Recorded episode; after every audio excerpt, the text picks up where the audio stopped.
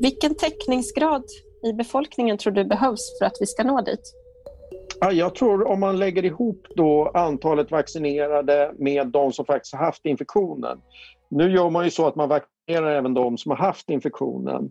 Men säg att något sammanlagt där någonstans runt 70 procent tror jag är, är, rimligt att tro att, att, att, Därför att kanske högre än så till och med för att hålla viruset väldigt eh, långt nere. Och sen så, sen så har vi ju det att det, till sommar så har vi definitivt vaccinerat igenom alla riskgrupper och alla, eh, alla som är gamla och, liksom, och riskerar att hamna på sjukhus. Eh, så att jag tror ju att vi kommer att se en avlastning, det är ju det första vi kommer att se, den här avlastningen på sjukvården. Nej men säg någonstans, jag skulle inte gissa, det, det jag tror de flesta säger där någonstans 70 procent. Det beror ju på, liksom, är det så att smittsamheten ökar med virus, ja då måste vi upp ännu högre. Är det så att den går ner kanske på grund av mutationer eller någonting, ja men då kanske det...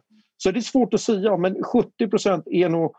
Om Tony Fauci säger det så kan man ju vi andra amatörer också säga Ja. ja, men det låter som någonting vi absolut ska mm. sträva mot.